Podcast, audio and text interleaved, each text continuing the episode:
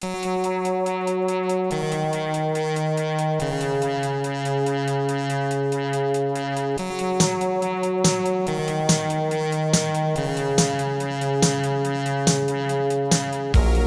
to First Draft with me, Sarah Enni. Today I'm talking to Ransom Riggs, New York Times best-selling author of Miss Peregrine's Home for Peculiar Children.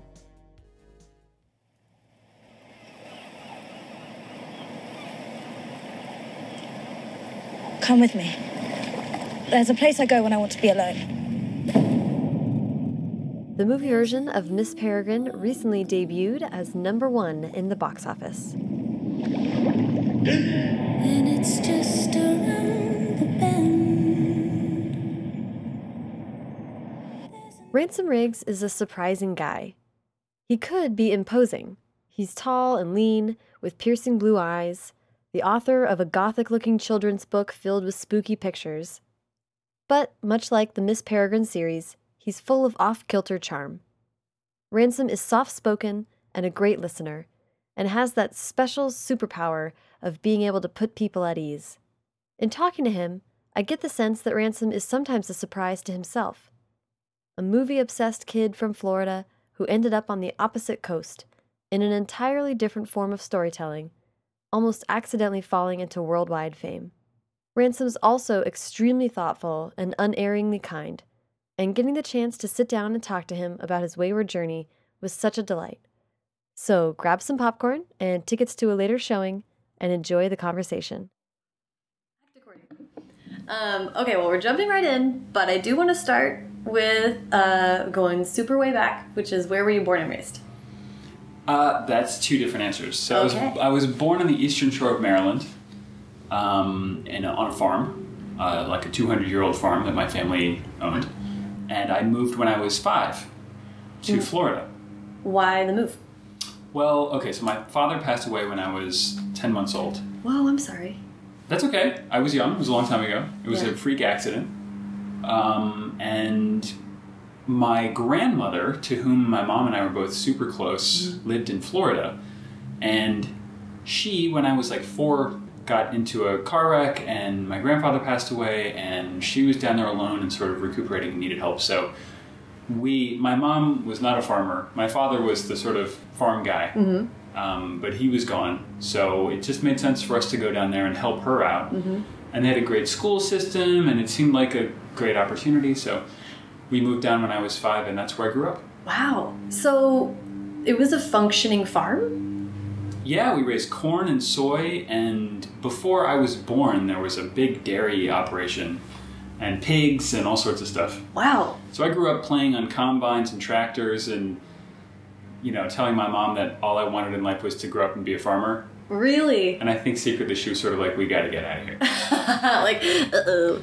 That's so interesting. That's neat that you still have memories of the farm. Very strong memories.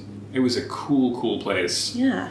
The farmhouse, Bloomfield Farmhouse, where we grew up, where I, I didn't grow up in the house, but like a mile away on the edge of the farm, and I spent we spent so much time at that house, which was built in the 1700s, and had been added onto over the years, and had like secret rooms, and it was it had so much character. This is explaining a lot. Yeah. well, let's come back to this. Totally. um, and and it has yeah, like all that history. And I and I've I lived in Maryland for a little bit, so I'm envisioning the Eastern Shore and that. Well, it's got a lot of. Uh, the East Coast is great for for that. You're walking with the past all the time. Yeah. Very, very unique people, very unique landscape. Mm-hmm. So different than Maryland on the other side of the Chesapeake Bay. Oh yeah. People had really heavy accents and really big personalities, and Yeah. it was a very, you know, it had its own character in a way I really appreciate. And then Florida is also really unique. And you grew up close to the ocean, right? Yeah, we grew up in a little town that was essentially a fishing village on the beach. Oh my gosh, that's amazing. So yeah, I didn't live. I lived on the beach for maybe a year. We were renting a house, but you know, I was never more than a mile away. I could always ride my bike, and I kind of grew up like underwater. That's awesome. It, that's also, I'm trying to think about how to phrase this question. I love hearing where writers grow up because of that, what we were just talking about specificity of place, and like, that's a really different upbringing than someone who was raised in Indiana or in a suburb or whatever. Specificity of place is really important to me. Yeah. Place informs so much of, I think, who we are and how we live. I think less every day as we become encased in our internet bubbles to That's some degree. I mean, of course, living in LA, like, we can't help but be affected by the LA ness of everything, but Right. I feel like you are less tied to and trapped with the people and the place where you live than we were when I, you and I were growing up. I would absolutely agree with that. You had to find your tribe among the people where you lived, mm-hmm. in your school, in your town, on your street, mm-hmm. whatever. And now, I guess, luckily in many cases, if you are a total strange kid and mm-hmm. with really unique interests, and you can't find your tribe, you know, at your school, you can find it on the internet. Yeah. That's probably a good thing. I think in a lot of cases it's a really good thing. Then there's also though the skill of having to like go next door to the neighbor's house and be like, well, let's find something in common. Yeah, I actually did that when I was a kid. Really? Yeah, because I, I went to a magnet school that was 45 minutes away from my house. wow, wow. So I did not automatically know kids in my town, mm-hmm. and so I, it's you know, it was a very boring summer, and my mom was, and I was complaining that I was bored, and my mom said, "Well, go meet some neighbor kids, mm-hmm. How old are we talking? 10, mm-hmm. 11." Mm-hmm. So I went down the street to where I saw some kids playing and introduced myself, and we became friends for like the rest of school. That's awesome. Yeah, And also, like, do you ever do this where you look back on your younger self or just kids in general and think, like, that's so brave? like, yeah. I don't think I would have the the cojones to do that these days. it's so, And like, I'm so glad I did. I never would have known kids who trapped and froze alligator in their freezer what? unless I had done that. How growing up, where reading and writing were playing into growing up. Huge from the very beginning, really. As a result of my my grandmother, Florence was a um, farmer's daughter who became a farmer's wife, but in the interim wa graduated from the University of Chicago at the top of her class and became a, a, a, a vaunted, feared, and beloved teacher at um, a, a great girls' prep school on the East Coast in Maryland of Latin and French and English. And she was like a lover of books and a, gr- grammar, like a militant grammarian. And I think she felt a little alone in that because, you know, most of her own kids did, did not have too much interest in books and reading and stuff. And Really? people in town, I don't know, not too much. So Right. my dad did, but he was super dyslexic. Really? Yes. So she saved, you know, helped him as much as she could and really like taught him to read. Mm-hmm. But he always had that stumbling block. Mm-hmm. And so when I came along, I think she was like, I'm going to make you my ally. And she and my mom really like with the books and the reading all the time. We had a big library and they Books would always read to me. And my mom, you know, I grew up with my mom, and we did not go to movies. We didn't really like, you know, I didn't know about movies until I was younger, until I was older. So it was all about books, and I loved them, and I wanted to be a writer from a really young age. And I was writing books, and stories, and then novellas from a very young age. Wow. Okay, so so I'd love to have you walk me through what were the kinds of books that you were most often reading, and then what kinds of stories were you starting to write? Well, when I was little, it was always, you know, kid books, which I can I can only remember when I go back to my mom's house and I find them all these ye- old yellow things, you know, Yeah. Yertle the turtle and stuff. and, Whoa, I remember Yertle the turtle. That's cool. Yeah. Um, but as I got older, I just really fell in love with um, stories about kids who found secret worlds. Really, like the Secret Garden mm-hmm. and the Chronicles of Narnia mm-hmm. and stuff like that. And then as I got even older, you know, 13, 14, Stephen King, mm-hmm. who, you know, if you've never read Stephen King, you probably think of him as just a guy who wrote books about serial killers. But that is not true. He, it, there was so much sci fi fantasy, otherworldliness, and discovery in there. And many of those stories are YA stories about 12 and 13 and 14 year olds in his weird made up town in Maine that were discovering, you know, supernatural creatures or other lands, portals or crazy stuff, and it always took a dark turn. Oh yeah. But I loved that. Mm-hmm. Totally loved that. He never shied away from that, which is funny. I think that's a really good point that a lot of his stories are like would be YA or like it's a it's a unique sort of subgenre where it's a teen protagonist but it's not really YA. And I find that interesting Right. because those stories about teens have always existed, but when it's Stephen King, you're like, this isn't necessarily for kids. At the time, I felt like books that were written for people my age were writing down to me, were, you know, thought I was stupid. Mm-hmm. So I avoided them. yeah. Stephen King was writing about, not always, but frequently about people my age, but it was considered too old for me, mm-hmm. too dark. You know, kids died, and dads were drunks, and, you know, mm-hmm. dark things happened. And I loved it. I felt like I was learning about the world. Yeah. Yeah. And I, fa- I started to copy him, and I wrote a lot of like you know fake Stephen King novellas when I was thirteen and fourteen, and they always included these really adult themes that I clearly knew nothing about. And Yeah. it's really funny to go back and read it. You know, a story I wrote when I was fourteen, where it's sort of like the protagonist is like a forty-year-old alcoholic or something, Yeah. and I like I don't know what the hell I'm talking about.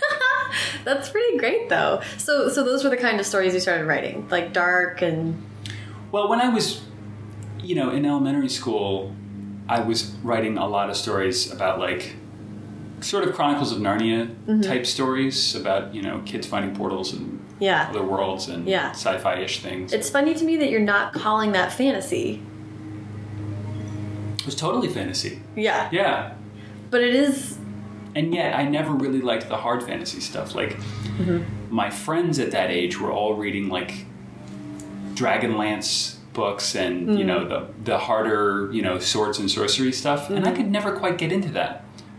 I always loved stories where the fantasy came into our world and where it felt like it was actually possible that a kid like me could go and discover this other world. I could just, you know, go to the right place, do the right thing, and it would happen. Mm-hmm. Rather than you have to completely imagine yourself as someone else in a different world already. Right. So you were starting to. It's really interesting to me that you were always doing this. So writing and reading was sort of your first storytelling pull. Yeah. Then how did movies and filmmaking? Like, I'd love to hear you talk about when you started to fall in love with movies, or what do you remember what the movies were that really drew you into that world? Well, I've I found movies through video games. Really? Because Funny. in like the third grade, I got a Nintendo, and I just was captured by you know the Legend of Zelda. And Oh, yeah. all of this stuff. And there was a little video store that rented video games down the street from my house that I could ride my bike to. And so I would I would rent all their video games and play all their games. And when you know they didn't get new stuff that often, so Mm-hmm. finally I would run out of games, and I would have you know look around the store and be like, well, there's movies. I guess I could watch some of those. Yeah. And I don't know, they were cool. Mm-hmm. My mom didn't really care what I watched, so I mm-hmm. could rent, you know, rated R movie here or there, and mm-hmm. it wasn't a big deal. So I was like, you know, what's the Terminator? What's The Shining? What's Rosemary's Baby? What's all of this stuff that, you know, looks like a story that I would like to read in movie form? Mm-hmm. Is that how you were looking at it? Browsing like a bookstore and choosing based on the cover, or what? Pretty much. Yeah. Because I didn't know anything. I didn't have a movie guide that was like, this is a classic. Right. So I would just watch anything, you know, like Friday the 13th. Oh, and these are crappy. you know. yeah. so pretty, like, I w- sort of untutored formed my own taste just based on what I watched at the, the video store. That's And really cool. Eventually, I just watched enough movies. I think it was The Shining, where I just watched that movie and I was like, wow, something is going on here that books cannot do. Now, there's plenty that, that books can do that movies can't do, but I feel like I had never seen a movie that made me think a book can't do that right. before I watched The Shining. Wow. And I'd always been interested in visuals and pictures, and I had no artistic talent at all. Like I couldn't, I can't even draw a straight line to this day.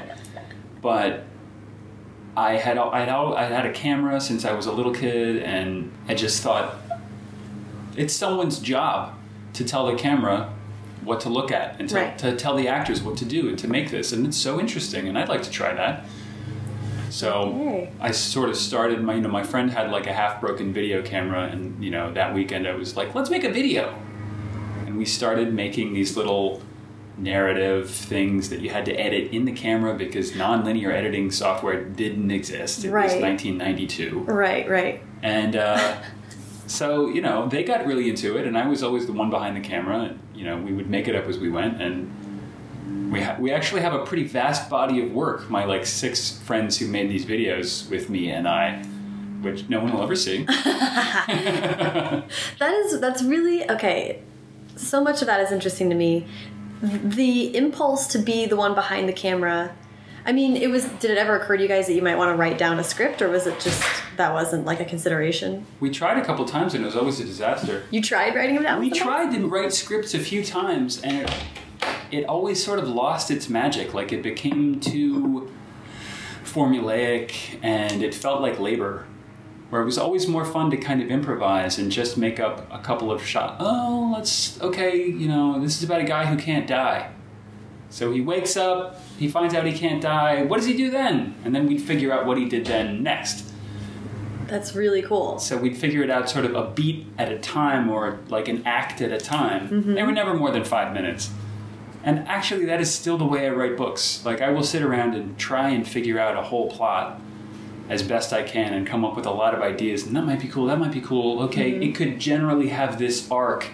I think I want it to end here, but I can never get all the specifics of a three act structure of a book in my head to the degree that I it never comes out nearly as well as just the, the, the ideas that come as I'm writing. The little gifts mm-hmm. that drop into your lap after you've already written a couple of scenes and you have some hard specifics down on the page. You've got something to work with. Yeah. Do you think that's because I've been thinking about this recently? Might that be because then you have some character to work with?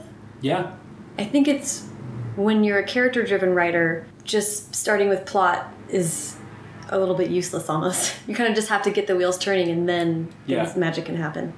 Yeah. I think I think of myself as a plot driven writer, but I'm really not because I can't start writing until the characters start talking. Mm. So it's that I want the story to do as much as it can. I want it to go all the most interesting places it possibly can. I mm-hmm. feel like given a certain set of circumstances and characters in a given world that you've created, you can make a boring story or you can make a really interesting one. And mm-hmm. there's like every story has a certain amount of like kinetic energy, like potential energy. Mm-hmm. Sorry, I'm getting my science terms wrong. Love it. It can go to the to the moon and back mm-hmm. if you can figure out how to take it there. And if I don't spend real time before I start writing thinking about all of the different many things that could happen and all the places the story could go, I feel like it's not going to go far enough. And at the end of the day, when I'm finished with the book, I'm going to go, it could have been more interesting. Hmm. What if this had happened? You know, hmm. mm-hmm. I want to surprise myself. And Do I want you- to feel like that this, the story has used all the gasoline that it had mm-hmm. when when it when it finally ends. Yeah. Okay, so so but I love that you you and your friends, a group of people kind of improvising together, making stories together. So I got off track with the movie stuff. Yeah, well, not, not off track, but I grew up wanting nothing more than to grow up to be a novelist and write books, and then I discovered movies, and I kind of just I put it to the side for a couple years, and I thought, oh my god, movies is what I want to do. I can write and make pictures at the same time and put them together, and that's so exciting. yeah. Use all the skills that I've been practicing as a writer, and use these new skills too. Mm-hmm. Um, and I just got obsessed with movies and, you know, sort of put myself through a fake film school, bought a lot of books and, you know, read a lot and watched a lot and what little my, my town had to offer in terms of, you know, avant-garde cinema. This is before the internet, really, before you could watch anything you wanted on Hulu or YouTube. Um, so the you know the best video store was called Renaissance Video up in Sarasota, which was a really long drive to like return a movie two days later, you know, Right. to drive an hour each way, and then it's due. two days from now, or you're going to owe another three dollars. Yeah, yeah, So if you wanted to see like you know the work of Wim Wenders or something, you had to go pretty far away. yeah. Um, Interesting. and there were But no like art movie theaters, but somehow I did it. I figured you know I like I, I watched a lot of things and I you know developed ta certain tastes and I always wanted to go to film school, but I knew that I wanted to study literature too Hmm. because that was always my first love and I grew up loving books and I knew there was so much more out there that I wanted to learn. So I did that. I like I set out a, a path for myself and I just did exactly that. I went to Kenyon College for undergrad English literature and then I went to USC Film School for a graduate degree in film. And then the next step was supposed to be become a movie director Right. that didn't really happen. Instead, I became a novelist, which, knowing what I know about the movie industry right now, I'm super happy about. also, knowing what I know about the book industry, Right. it's Right. wonderful. Yeah. So, but I ended up writing a book with pictures in it and sort of telling a story with the sort of aid of pictures anyway. So, all of that schooling maybe wasn't a total waste. Um, I'm sure it wasn't. I'm positive it wasn't. But I do. I want to. I would love to. I love that you kind of had this map and, and followed it. But when along the way, well, I'm interested in. You're studying literature, but you know you still want to go to film school. When did you start to experiment with screenwriting, and what kind of stories were you honing in on that you wanted to try to tell with your movies? I put off screenwriting for as long as possible. Why do you think? because it's hard and it's not very fun. Sorry. writing books is so much more fun than writing screenplays. Really? And in school, I mean, I would always rather go out and film something and make something and, you know, solve the problems of where do you put the camera and what do you tell the actor to do and what mm. happens next than like sit down in a room and write a screenplay, which always felt like work in this way that writing books did not. And so I did not follow the advice that they told us every year in film school, which was graduate with a feature screenplay mm-hmm. and a thesis film, a mm-hmm. short, a polished short film. So I graduated with a polished short film and no screenplay. Yeah, so I put it off as long as possible, and then I was like, okay, nothing's, you know, I'm not getting a three picture deal from my 10 minute short, so I definitely need a. And I realized that, like, in Hollywood, at least at the time, there were a lot of slick looking short films out there. And so mm. the competition was pretty pretty thick. Mm-hmm. And mine was not the slickest and most impressive and mm-hmm. it wasn't going to get me you know it wasn't going to cut through the competition. But there were a lot of terrible screenplays out there. And good screenplays were hard to find. Right. so if i could write a good one that would get me noticed a lot faster. Mm-hmm. And i was like damn i wish i had realized this years ago. And just like all of the professors told us written this feature screenplay. But I think I wasn't ready, and I didn't know enough about filmmaking, and I hadn't figured out what I liked. I, I hadn't sort of found my voice as a filmmaker. I was struggling, and the thesis film I made was really like Amblin-y, you know. It was about like a kid who thinks he's an alien, and because he's such a reject at school, he feels so different. And then it turns out he actually might be, and maybe the aliens are going to come back for him. And Whoa. then he meets a girl and he's sort of caught between two worlds, you know. So it was, but I didn't. It wasn't very good. I didn't make it. it was. I tried to do too much in too short of space, which is the problem of like ninety nine percent of thesis films. Right. You try to pack a feature into a ten minute box, and it just kind of breaks it. Mm-hmm. But then I took a year and a half to write a screenplay with a, a college friend of mine, and it was a lot of fun. And it was uh, very pointedly going to be something that could be made for not a lot of money. It was like a supernatural thriller about a, a, a girl who um, has a connection to sort of a, a, a demon, and she's at this college, and there's a lot of, I don't know, ring type stuff that happens, hmm. mm-hmm. and a lot of cool visuals, and it was a lot of fun to write, and that worked. That got me a manager, and then an agent, mm-hmm. and dozens of meetings in short order. Mm-hmm. But ultimately, nothing in terms of like nobody bought it. You Right. know, it got Right. me in the door. It got people interested, and then they said, "What else have you got?" And Right. I was like, "Nothing. This took me a year and a half. Right. My drawer is empty." And also, did you want to keep writing with someone? Well, we wrote the story together. I wrote the screenplay. So I was like, I, it's like I needed the help. I needed a friend with really great instincts who he and I spoke the same language, Yeah. who I could trust and work with, and we could bounce a million ideas off of, Right. just as sort of a crutch because I was so intimidated by the idea of writing a real thing, mm-hmm. like a, a full length piece of any kind. I had never written a full novel, I'd read, never written a full screenplay, and I think I doubted my own ability, really. So he was great. We, he was so patient. We worked and worked and worked. And then when it came to actually writing the screenplay, I went off and wrote, and I would just send him scenes, and he'd be like, awesome, which was great to have someone just be like, this is great. That was, it was really helpful. Yeah, yeah, yeah. But after I did that, I was like, oh, I can do this on my own. I just needed a little confidence boost. Yeah. And um, The first time that you reach the end of something is a pretty big deal. it's a big deal to be like, oh, I finished this. Yeah. And I wrote this all on my own. Mm-hmm. This was great. And I can do it. Yeah. I think it's it's very interesting to me that you got into USC Film School and went through the whole program and you had so much experience of doing all this stuff, but you still felt insecure about being able to do it. It's funny, too, because I, I did not get into three other film schools, Um, but you got into the best one. but I got into the hardest one because that was the only one that did not want to see any films I had made. They just wanted a writing sample, which should have told me something.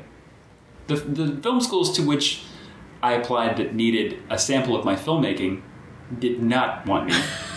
the one that just wanted my writing was like, great. And I didn't even, they didn't even, even interview me. They were just like, Really? you're in. Yeah. Okay, so that should have told me something right there. I think I was forcing myself into a box um, where I was like, I'm going to be a writer director. And even though I have other skills, like this is the one thing I'm going to do. And it was a really small bullseye. Yeah. And I was ignoring all these other signs that there was another path, something else that was wonderful and so satisfying and fun Yeah. like all through film school and i mean from college on i was making money writing Yeah. I worked for my hometown newspaper and then during college i was a daily blogger Really? and i worked for i wrote for magazines and you know i was making money with my writing mm-hmm. and then when film school ended the magazine writing and the blogging led to a job writing a nonfiction work for hire for Quirk Books about Sherlock Holmes. Mm-hmm. And I was at the same time writing a screenplay, but I was like, well, this pays money. Right. Not a lot, but it's money. Yeah. And I'll have a pub- at the end of it, I'll have a book with my name on it. That's Yeah. pretty cool. Yeah. Even though I'll never need that, that'll never help me. That's not really what I want to do. That'd be neat. and you know, I think something that's important when you don't quite have your um, when you don't quite have your career in full gear yet, is, and you're a, you're trying to be an artist, you're trying to do something creative for a living. Even when you're not, is to say yes to as many things as you can Yeah. and you know keep a lot of balls in the air say yes to a lot of things until you can afford to say no Right. and that's what i that's kind of what i did you know if i had just shut off all those other possibilities and said no i'm only going to try and write screenplays i think i would have missed out completely on writing books mm-hmm. Yeah, I think that's been over the last couple years in particular. I've seen that be really true, where some people say no to things because they seem intimidating, but especially when it's someone coming to you saying, "I have this cool idea, can you help?" Like, well, then, if you think it's cool too, like, do it. yeah Like, help however you can. Be a Yeah. part of it. and i was putting so much pressure on myself to be successful in film right. and absolutely none in books. So I could just sort of be free and creative and mm-hmm. unlock, you know, my whatever inmost ideas when it came to writing books because I was not stressed about the outcome. Yeah. I was just having fun.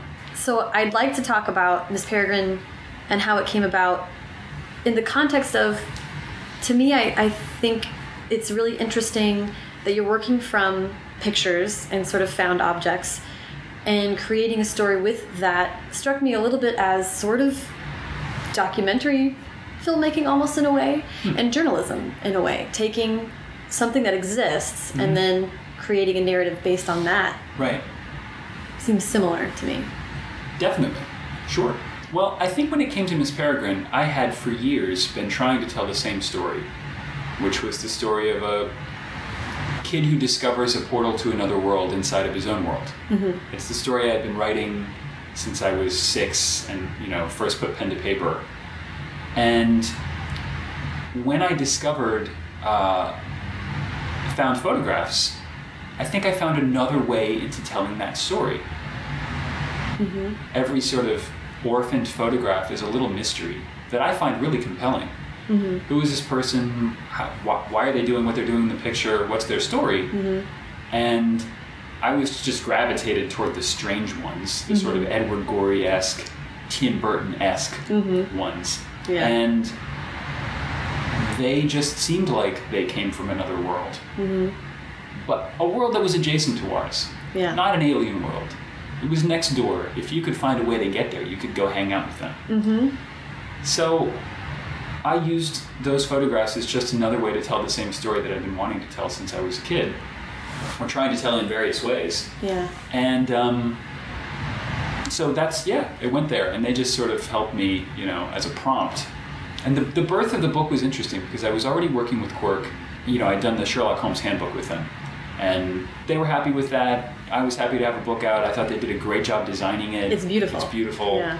Looked like something from my grandfather's bookshelf. Yeah. And so the door was kind of open. I had a good relationship with my editor, Jason, and you know, it was like, well, we should do something else. I don't know what it is. And so I, I had these photos, and I, I, I had a sort of an idea for a story, but Quirk did not publish novels, and I did not write novels Right. yet. Um, and so I came in kind of tentatively, and I said, well, what if it's like a you know, I was a big fan of Edward Gorey, and he writes these books of sort of twisted poems, rhyming couplets that are sort of a little bit devilish And illustrated. and about strange children in mm-hmm. Victorian times. And I was like, well, this could be like an Edward Gorey book with photographs. So I'll write poems like Edward Gorey and illustrate them with these pictures I found. Mm-hmm. And then that became, well, what if the poems are all narratively linked somehow? I was like, okay, yes, a story, a narratively linked book of poems illustrated with photographs. And then it just became obvious that the story I was cooking up was bigger than, you know, 12 poems. right. And it all just kind of came to me in a rush. When I realized I can write a novel, it unlocked something in my head.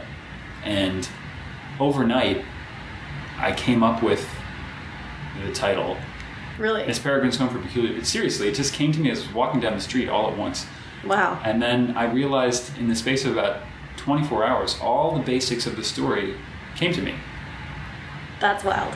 Yeah, pretty crazy. I was looking back through my- old emails with my editor, and like, it went from like, okay, I guess they're poems. There's maybe an orphanage. To the next email was, okay, it's called Miss Peregrine's Home for Peculiar Children. It's this mysterious foggy island off the coast of Wales, and I was like, boom! It all just came in a rush. So the photos were kind of a prompt. They they helped me get there, but they weren't like the core of the story. And was that scary? No, it was awesome. What was wait? What, what was what Well- scary? That you had that you're you all of a sudden were looking at the real full big long thing to do. And also it became three books. I mean it's like that's like a journey. Well, I didn't know it was going to be three books until the end of the second book. when I was writing the first book, I figured it was just going to be one book, Mm-hmm. and that I would write this one book and then go back to writing screenplays that no one wanted to buy. Right. No, that, and that was gonna be part of my question. Was it seems like it wasn't scary, and possibly in part because you were still relieved, like you still weren't putting pressure on yourself to do it. Yeah, exactly. It was I all just this was just seemed like a fun side project. And it just took more and more of my enthusiasm. You know, it became a thing, oh, I'll just do this in a couple of months. And then the more story I came up with, the more excited I got about it. And I was like, this could be really cool. Nobody's going to read it. So there's super no pressure here Yeah. you know. Yeah. But I know Quirk is going to do a beautiful job packaging it and designing it, so Mm-hmm. it could be really, it could be something to be proud of. Mm-hmm. And maybe my grandchildren will read it one day, and that was sort of it. You know, I didn't, Yeah. I had no expectations for the book to be commercially successful at all. That is. I just thought I'll make a pretty thing that's kind of fun, and maybe it'll help my film career somehow. I don't know. That's that's really really neat, um, and it's sort of incredible that you had the space to do that to just go with something because for the sake of loving it. Mm-hmm. And I think when you hear about stories that start that way, you can often read it in the pages. Like there's a lot of love and just joy and stuff It like was that. total joy. It was total joy. It was no pressure. And suddenly, after having been locked in the screenwriting box for years, I was like, I can write a story that I don't have to think about how much it costs to film this scene. yeah, And I can go inside the character's head. Yeah. You know, yeah, all of the constraints and shackles and handcuffs that come along with writing a screenplay, which can actually be like really creatively stimulating when you mm-hmm. put limitations, were gone. And it was really freeing and fun. yeah. But I'd love to hear You your experience with Miss Peregrine is unusual. Not everybody gets to create something that then becomes a big deal. Um, when did it hit you that it was becoming a big deal? It took a while because its growth was really slow and sort of organic. Mm-hmm. It was very like word of mouth. I mean, it debuted on the bestseller list, like near the bottom, and kind of hovered there for a while. And it, I don't know, it got some good buzz from like bloggers and stuff. And but you know, its sales were kind of modest, and I just figured people would stop talking about it, Right. And then you know they would talk about something else. And it's at the same time I saw the success of other books with big publishers that had big marketing budgets, and I mm-hmm. saw like what a splash you can make and suddenly take over the world, and everyone's talking about it. And you know, for three for the first three years, like ninety nine percent of people who asked me what I did for a living and what book I had written, I would tell them, and they'd be like, "I've never heard of that." Mm-hmm. And most people on the internet had never heard of it, and it was you know there was a sort of a small core group of fans who just grew slowly but steadily over the course of several of, of like five years Yeah, and it kind of hung on like a bad cold i figured that it would you know interest would wane and it would just fade into the night like a lot of books do. Mm-hmm. but that never happened. Yeah. and i can't really explain why. Well, I think it's a really beautiful thing in that case to think about because what that means is that a lot of people finished that book and then went to go see a friend and were like, "You have to read this book," and that's like, as people who grew up reading and loving books, it's like, well, that's the best feeling when you're like, okay, now I have to tell everyone else that I found this great thing, um, and the fact that the book grew like that, that's obviously what was happening. It's Yeah. really cool. It's also neat that you didn't have to sort of change anything overnight yeah because sudden intense success can be scary. right i've had five years to get used to the fact that some people have read my book Yeah. it still weirdly doesn't seem like a super big deal to me, even though I guess in some in some ways it is. And when the movie comes out, it, that'll be another level that I haven't experienced. And even though it's only eight weeks away or something, it still isn't quite here, and I still can't quite anticipate what that will be like. Are you nervous? Not really. I'm just I'm sort of excited, mostly because I love the movie. Good. I've seen it. It's beautiful. I'm so proud of it. I mean, I didn't make it, but I had something to do with it. Yeah. It's gorgeous. So it kind of came full circle. You know, I wanted to make films. I ended up writing these books. They became a film that I think is really awesome by a filmmaker I've loved since I was 15. So It's pretty cool. I'm a lucky guy. And you didn't have to write the screenplay or anything. No, I didn't write It was great. um, I, I definitely want to talk about Tales of the Peculiar, and then maybe we can ask just a little bit about the film stuff. Yeah. But the I really dig. Uh, do you want to just give a little pitch for what Tales is, so people know? Yeah, so it's not straightforward or obvious. It's very weird, actually. Which is Um, great. Which is pretty normal for me. so, Tales of the Peculiar is a fictional book that exists within the world of the novels. Specifically, in books two and three, it, it's a it's a huge tome of, of peculiar fairy tales that are beloved by all the peculiar children and practically you know memorized by heart.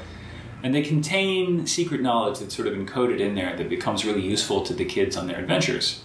Um, and I wrote a story or two of the tales in book two, Hollow City, and I had so much fun writing that that I was like, when I'm done with these, this story arc, it would be really fun to write more of these, and maybe I can do that one day. And you know, it took me years to finish the next two books, and I sort of forgot about it. But when I was finished with Library of Souls, it was like, oh, now I could do that. that would be really fun to make that a real thing. So it is a book of fairy tales set in the peculiar world. It's not a direct sequel to the books, but it opens up the world of the peculiars and sort of the history of some things and you know you get to see the breadth of different societies and You, they're described as fairy tales, but what does that mean to you? What makes it a fairy tale? well it doesn't mean that there's fairies in it it just it's a certain mode of storytelling that feels very stripped down and basic and you just have the core elements of storytelling. There's not necessarily a lot of time spent on characterization or deep character motivation and a lot of stuff happens. There's a lot of like big emotional beats mm-hmm. in a short amount of time mm-hmm. and you get a lot of world which is all stuff i love. So it felt like dipping myself back into the basics of stories and what i love about stories. Mm-hmm. And that's what fairy tales sort of serve as like fairy tales and myths, right? Or sort of these building blocks. That's why we're retelling them endlessly. They're a little bit of a the DNA structure of a lot of stories, I think. yeah i think they t- the, the good ones tap into sort of the moral and emotional core of what it is to be human How did you I mean, how did you enjoy writing that kind of story? I really needed a shift. I needed a little break from the, you know, breathless um, peril that was the, the, the second two novels, especially. Mm. The pace of those books is just frenetic. There's so much going on and so much danger, and, you know, mm-hmm. it was really nice to sort of take a step back and take a breath and approach it from sort of a, a godlike third person narrator perspective And short. and short in out and you know it doesn't have to connect to any other story so you can make a lot of crazy things happen in a short amount of time and you never have to deal with the consequences. You just say the end. Mm-hmm. they all lived happily never after. That's it. Were any of them did you finish any of the short stories and think, oh, like that you wanted to expand them? i definitely have thought there's more there that i could go back to that maybe but no i would just end it and think ooh i I want to write another one That's so cool. So it was very, it was a really fun book to write. It was the most fun I've had writing in a long time, and uh, they came very quickly, very easily, which is always a good sign for me. Yeah, yeah. The the other thing that I thought was so great about it is the um, and you mentioned this earlier with Stephen King and and Stephen King is uh, his like oeuvre is so crazy because but it's all connected. He's so purposeful in making all of his books in the same town and and when you become a Stephen King fan, it's like saying that you're a fan of this other world that you can be a part of and is very thoughtfully put together. Um, so it's neat that with this you get to help build that. And it's, it's myth making of this other world that you created and releasing it on Loop Day and having like Loop Day sell it. Like, I love how you're building out for fans and for yourself, like all of this world.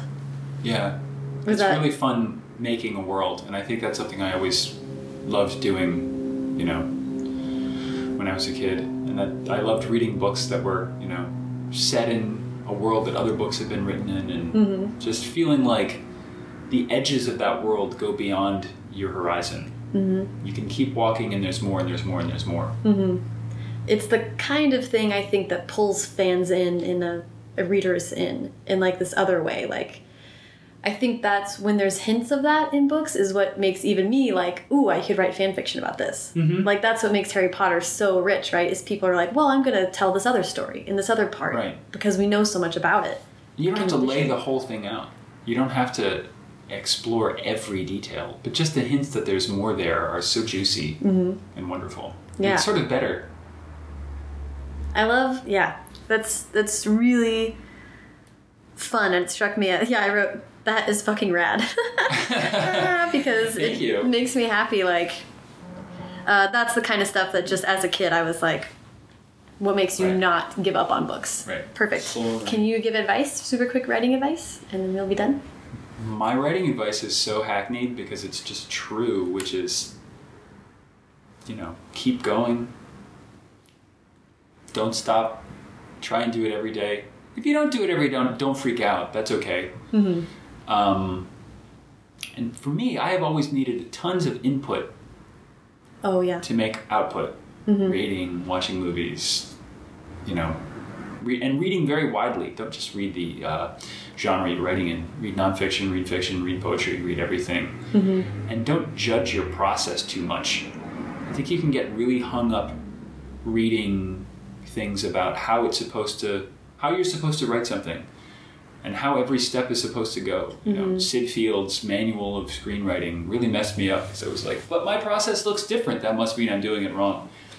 Everyone's process is different, mm-hmm. and if you judge your process too much and overthink it, you will give yourself writer's block.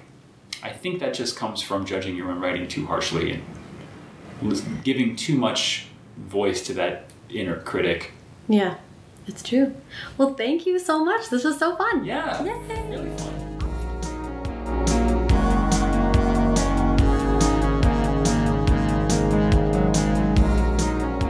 Thank you so much to Ransom. Follow him at Ransom Riggs and follow the show at First Draft Pod and me at Sarah Enni. You can also check out the show on Instagram and Facebook.